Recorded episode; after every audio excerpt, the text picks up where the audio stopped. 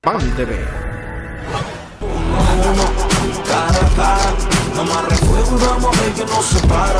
Hace unos días salió un anuncio eh, diciendo que iba a hacer un cara a cara de nuevo, eh, porque hice uno en el 2013, puede ser, madre mía, cómo pasa el tiempo. Cara a cara, frente a frente otra vez. Buenas noches España, buenas Saludos. noches. Eh, Os cuento en el cara a cara de esta ocasión. El Consejo Regulador de la Denominación de Origen Rías Baixas eh, cumple este 2018 30 años. Parece que fue ayer, ¿verdad?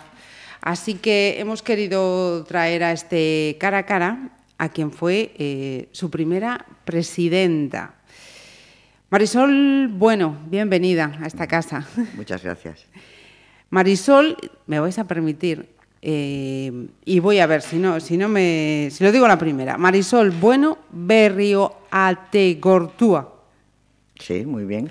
Eso ya nos dice que mm, por parte de madre mm, próximo Sí. al País Vasco, ¿no? Soy vasca y, el apellido de mi padre es también típico aragonés, o sea que soy medio vasca y medio aragonesa. Eh, de Zaragoza de nacimiento, entonces, y, y vasca concretamente de dónde, Marisol? De Lorrio, de Vizcaya. Ah, ajá, sí, señor. Un Y- pueblo muy bonito, pero bueno, llevo Sí. viviendo en Pontevedra desde que tengo cuatro años, o sea que no se puede decir que sea de otro sitio. Cu- Cuéntanos, ¿por qué? Pues mis padres vinieron aquí, mi padre era médico militar, vino aquí con la intención de estar unos años y quizá acercarse más a su tierra, irse, pero le gustó muchísimo. Dijo que era un recreo para el cuerpo y el espíritu y ya se quedó. Y nosotros ya nos criamos aquí, estudiamos aquí, yo me casé aquí y tengo hijos aquí. Ajá. Eh, mira, y mm, de profesión elegiste la, la biología. Yo estudié biológicas, ¿Y por qué la viticultura? ¿Dónde vino luego la Pues viticultura? la verdad es que no tiene nada que ver con la elección de mi carrera. Yo cuando acabé la carrera y me casé daba clase en un instituto, pero tuve cuatro niños muy seguidos y me resultaba casi imposible mm, seguir el horario de las clases y lo dejé. Y en aquel momento mi marido se empeñó en comprarse una finca y eh, pensamos que la finca no nos resultase demasiado costosa, que se mantuviera a sí misma, y entonces se nos ocurrió plantar albariño, que es lo que en aquel momento estaba un poco en boga, y kiwi. Y bueno, como mi marido es médico y trabajaba muchas horas al día, me tocó a mí ocuparme de la finca. Ajá.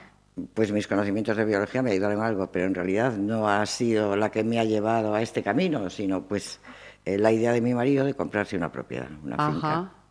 Eh, en ese momento ya es cuando creáis Pazo de Señoras, es, pues, es En posterior. ese momento es- la compramos en el año 79, en junio ya empezamos a hacer las plantaciones a finales del 79-80, las plantaciones de viña y de albariño. Eh, luego me nombraron presidenta del Consejo Regulador en el 86 y en el 89 pues eh, empezamos ya a tener una bodega que es Paso de Señorans y con ella seguimos. Y yo estuve de presidenta hasta el 2007 compaginando ambas funciones y ahora pues me dedico solo a mi bodega. Ajá. Mira, ¿y mm, cómo, cómo se planteó? ¿Cómo fue la gestación de, del Bueno, pues Consejo ahora Regulador? parece, eh, parecen cosas de otro mundo, porque entonces pues eh, había un consejo regulador de denominación específica albariño que no podía mm, prosperar porque ningún consejo, como tú sabes, tiene el nombre de una uva, que las uvas son patrimonio de la humanidad, no hay ningún consejo que se llame ni chardonnay, ni verdejo, ni, ni, ni tinta país, ni tempranillo. Pero aquí estaban empecinados y la Comunidad Económica Europea y el Estado español, que era en aquel momento el que tenía las competencias sobre estas cosas, no lo admitía.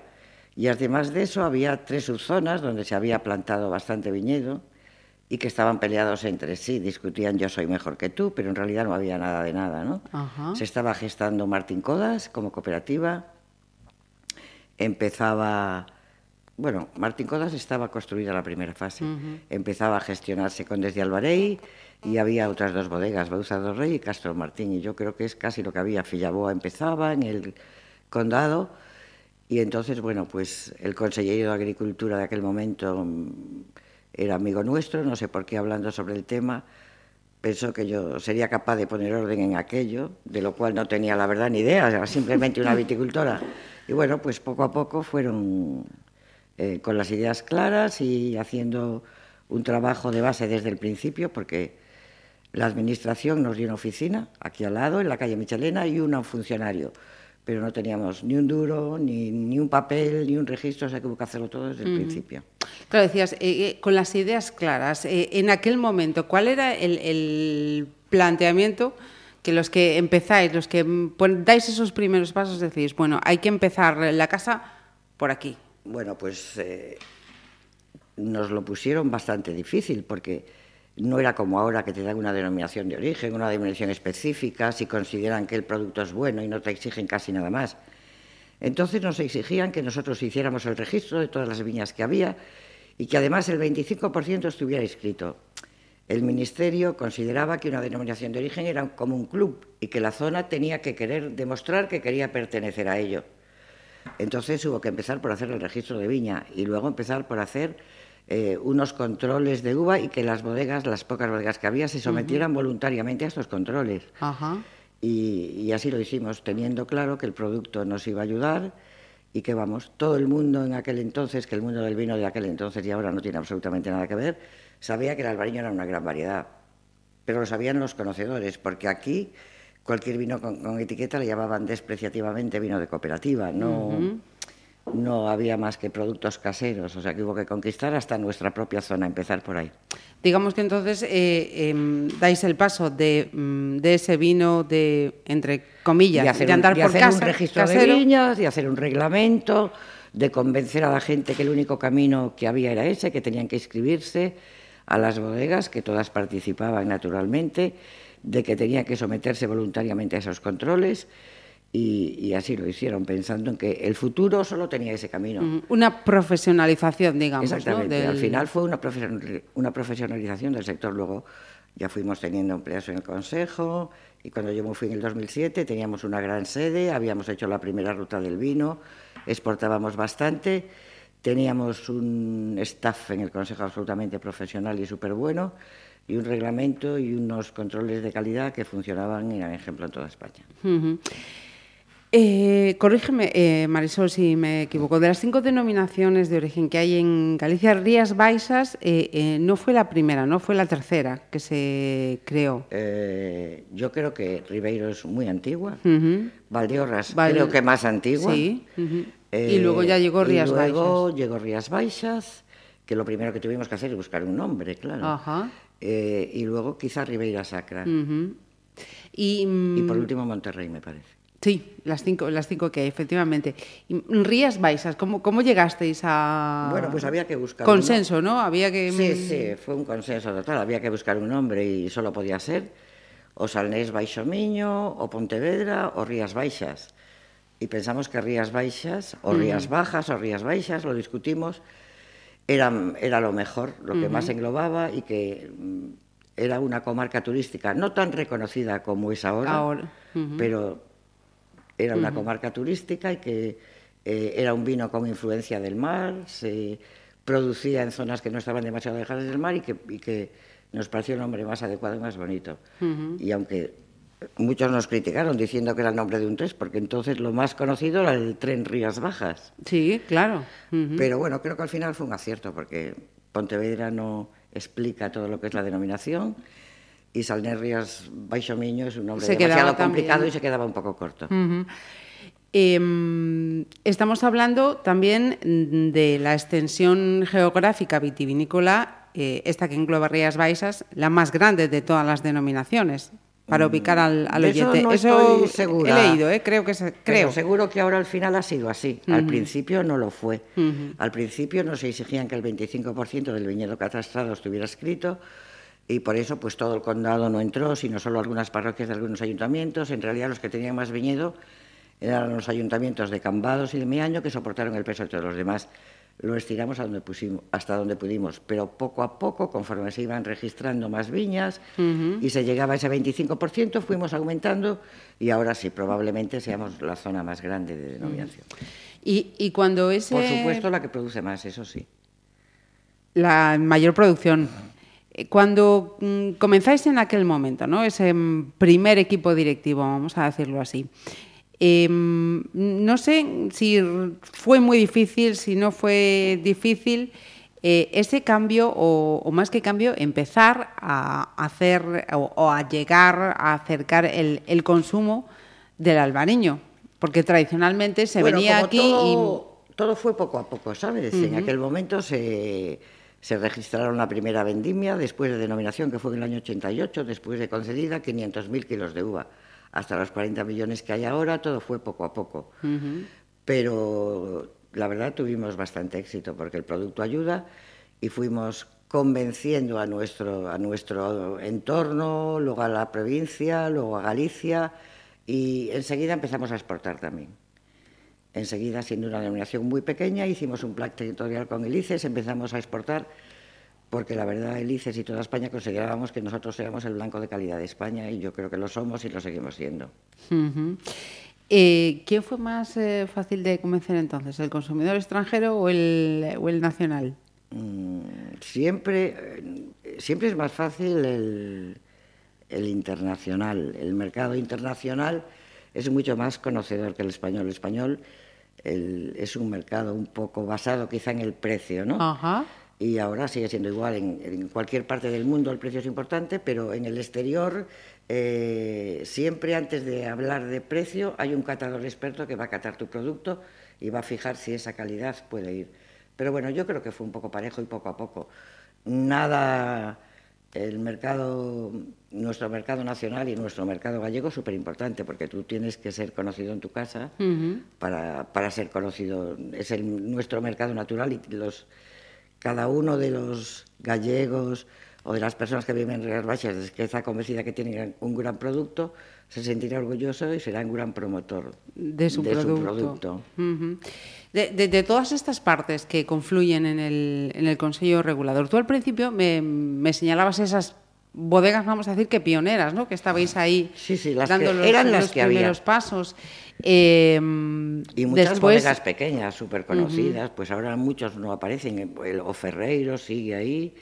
Eh, Marcelino Torres, que bueno, sus hijos por circunstancias de la vida ya no han seguido y él falleció y otras bodegas así pequeñas. Uh -huh. Luego han venido incluso eh, viticultores eh, de, de, otras eh, denominaciones de origen a plantar albariños aquí para producir también vinos aquí. Pues sí, sí, la verdad es que estamos como de moda, todo el mundo quiere invertir aquí, ya casi quedamos pocos de los de aquí de siempre.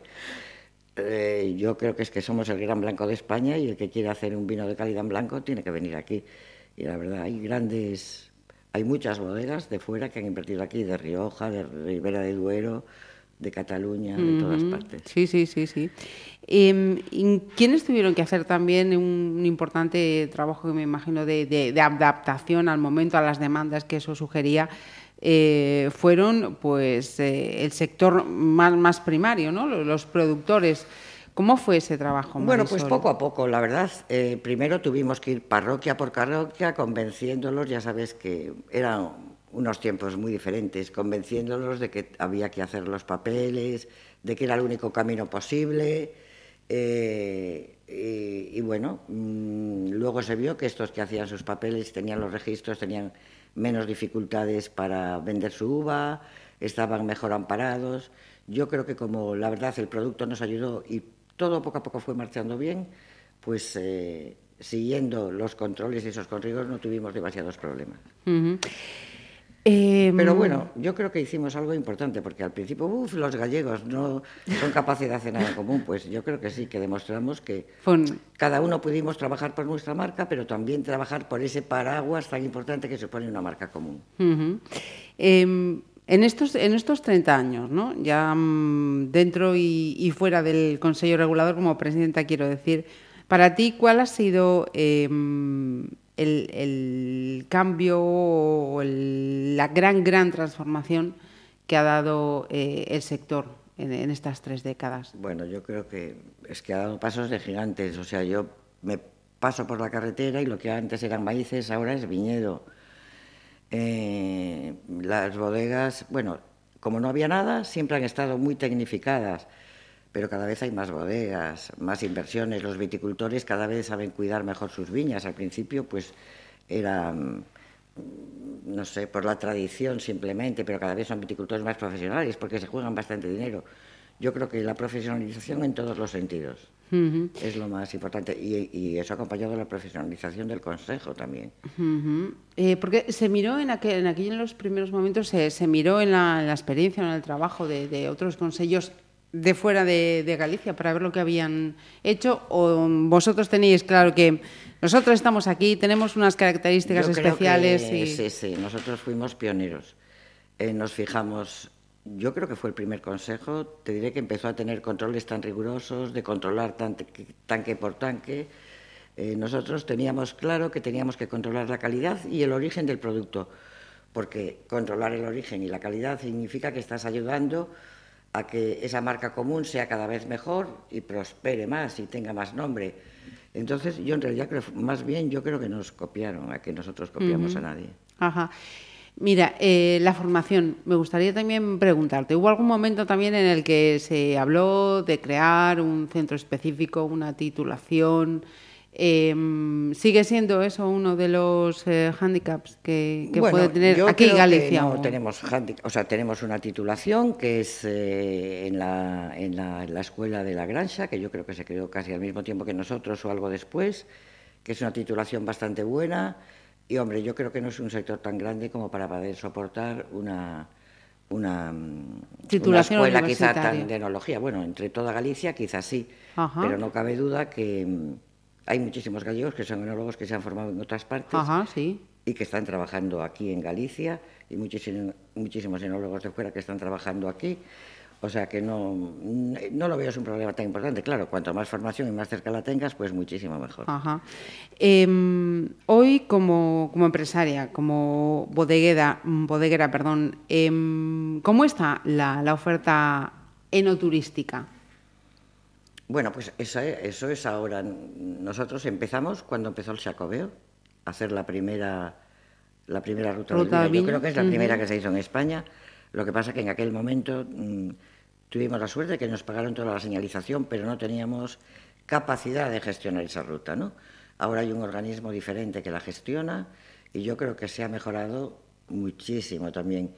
eh, porque hemos mejorado nuestras bodegas, porque para tener, eh, para recibir a la gente tienes que tener unos espacios dignos donde poder hacerlo, porque ha mejorado la formación de las personas que están en las bodegas para poder explicar su filosofía y su producto, y porque, y porque también la gestión desde ese organismo es muchísimo mejor que la tan ru- rudimentaria que podríamos hacer nosotros en el año 82. Estamos en un sitio un poco apartado.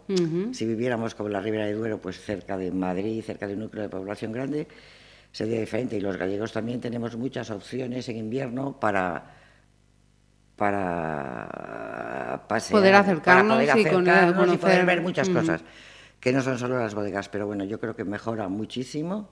Tenemos cada vez más visitantes extranjeros y, y yo creo que todavía ahí se pueden hacer muchísimas más cosas y que mm, tenemos mucho camino por delante para mejorar.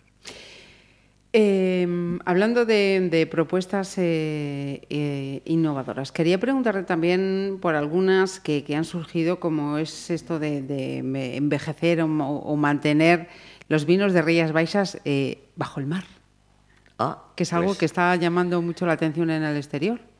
Pues es una opción como otra cualquiera. Yo creo que lo importante es hacer productos que se mantengan en el tiempo, o sea, que cada año los puedas hacer, que cada año estén bien, que cada año ayuden a, bueno, a crear una mejor imagen de Rías Baixas y una mejor imagen de cada una de las bodegas que hay. La verdad es que no tuve oportunidad de probarlo, pero seguro que está muy bueno. Mira, y hablando también de, innovación, pero de, tradición, em, ¿cómo, cómo está el tema de la colaboración con la investigación pues para quizás recuperar eh, otras especies eh, autóctonas que, que con el tiempo se hayan ido mm, dejando? Abandonando. Sí. Bueno, yo creo que en investigación en viticultura todavía tenemos muchísimo que hacer. Yo creo que variedades autóctonas aquí no había mm, en blancos demasiadas que podamos recuperar. Creo que están todas casi recuperadas. Sí que había algunos tintos que se están recuperando, como el Pedral o algún otro que no era... Bueno, en blancos el caño blanco, que estaba bastante abandonado. Pero yo creo que la investigación, mm, aparte de lo que lleve la Junta desde sus centros de investigación, Creo que también hay una inquietud dentro de las bodegas y que muchas tenemos planes de investigación en distintos aspectos, porque no son solo recuperar las variedades, es eh, eh, hacer vinos, recuperar nuestras levaduras, eso, mm, sistemas de envejecimiento, distintos tipos de elaboración, hay un enfermedades que tiene la viña, hay muchos campos de investigación y, yo creo que hay muchas bodegas que estamos trabajando haciendo cosas de I D. Em, desde tu perspectiva y, experiencia, los vinos de Rías Baixas em, están, em, no sé si exentos o, el, verbo más adecuado sería alejados de riesgos que sí se han dado en otras comunidades donde eh, el éxito les ha llevado a primar la cantidad en lugar de mm, seguir cuidando tanto, tanto, tanto la calidad.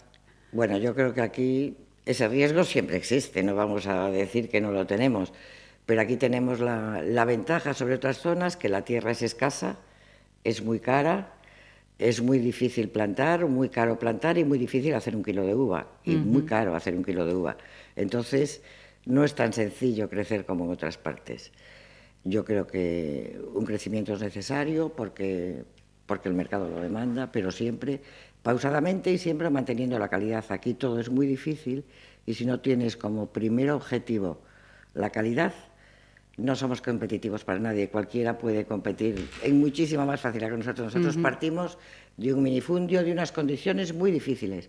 Entonces, tenemos la gran suerte de que la naturaleza ha sido generosa con nosotros y tenemos un producto que puede competir con su precio en cualquier parte del mundo. Entonces yo creo que lo que tenemos que hacer es trabajar cada vez más por esa calidad, conocer más nuestras variedades, trabajarlas cada vez mejor y ser más competitivos en el mundo, hacernos un hueco y mm, conseguir mayor prestigio para conseguir mayor precio. Aquí sería arruinarse competir por precio. Ajá. Mira, y ya que estamos en, septiembre, época de vendimia, eh, ¿cómo se está...? Presenta, bueno, pues se presenta bastante mejor de lo previsto, porque la verdad, después de una primavera tan lluviosa, yo pensé que el cuajado iba a ser mucho peor. No ha sido tan malo, parece que va a haber un 10%, entre un 10 y un 20 menos que el año pasado solo, ya veremos, porque lo que pasa es, en la viña yo creo que solo hay una regla exacta, que cuando hay hay más de lo que parece y cuando hay, hay poco hay menos de lo que parece. Pero bueno, con respecto a la cantidad estamos bien. Y la calidad, pues no lo sé. Eso cuando se recoja. Va a depender también de, lo que pase en estas semanas del envero tan fundamentales. semanas, por ahora la uva está sana y está bien. Yo creo que los que han conseguido salvar ha sido un año muy difícil para el mildium.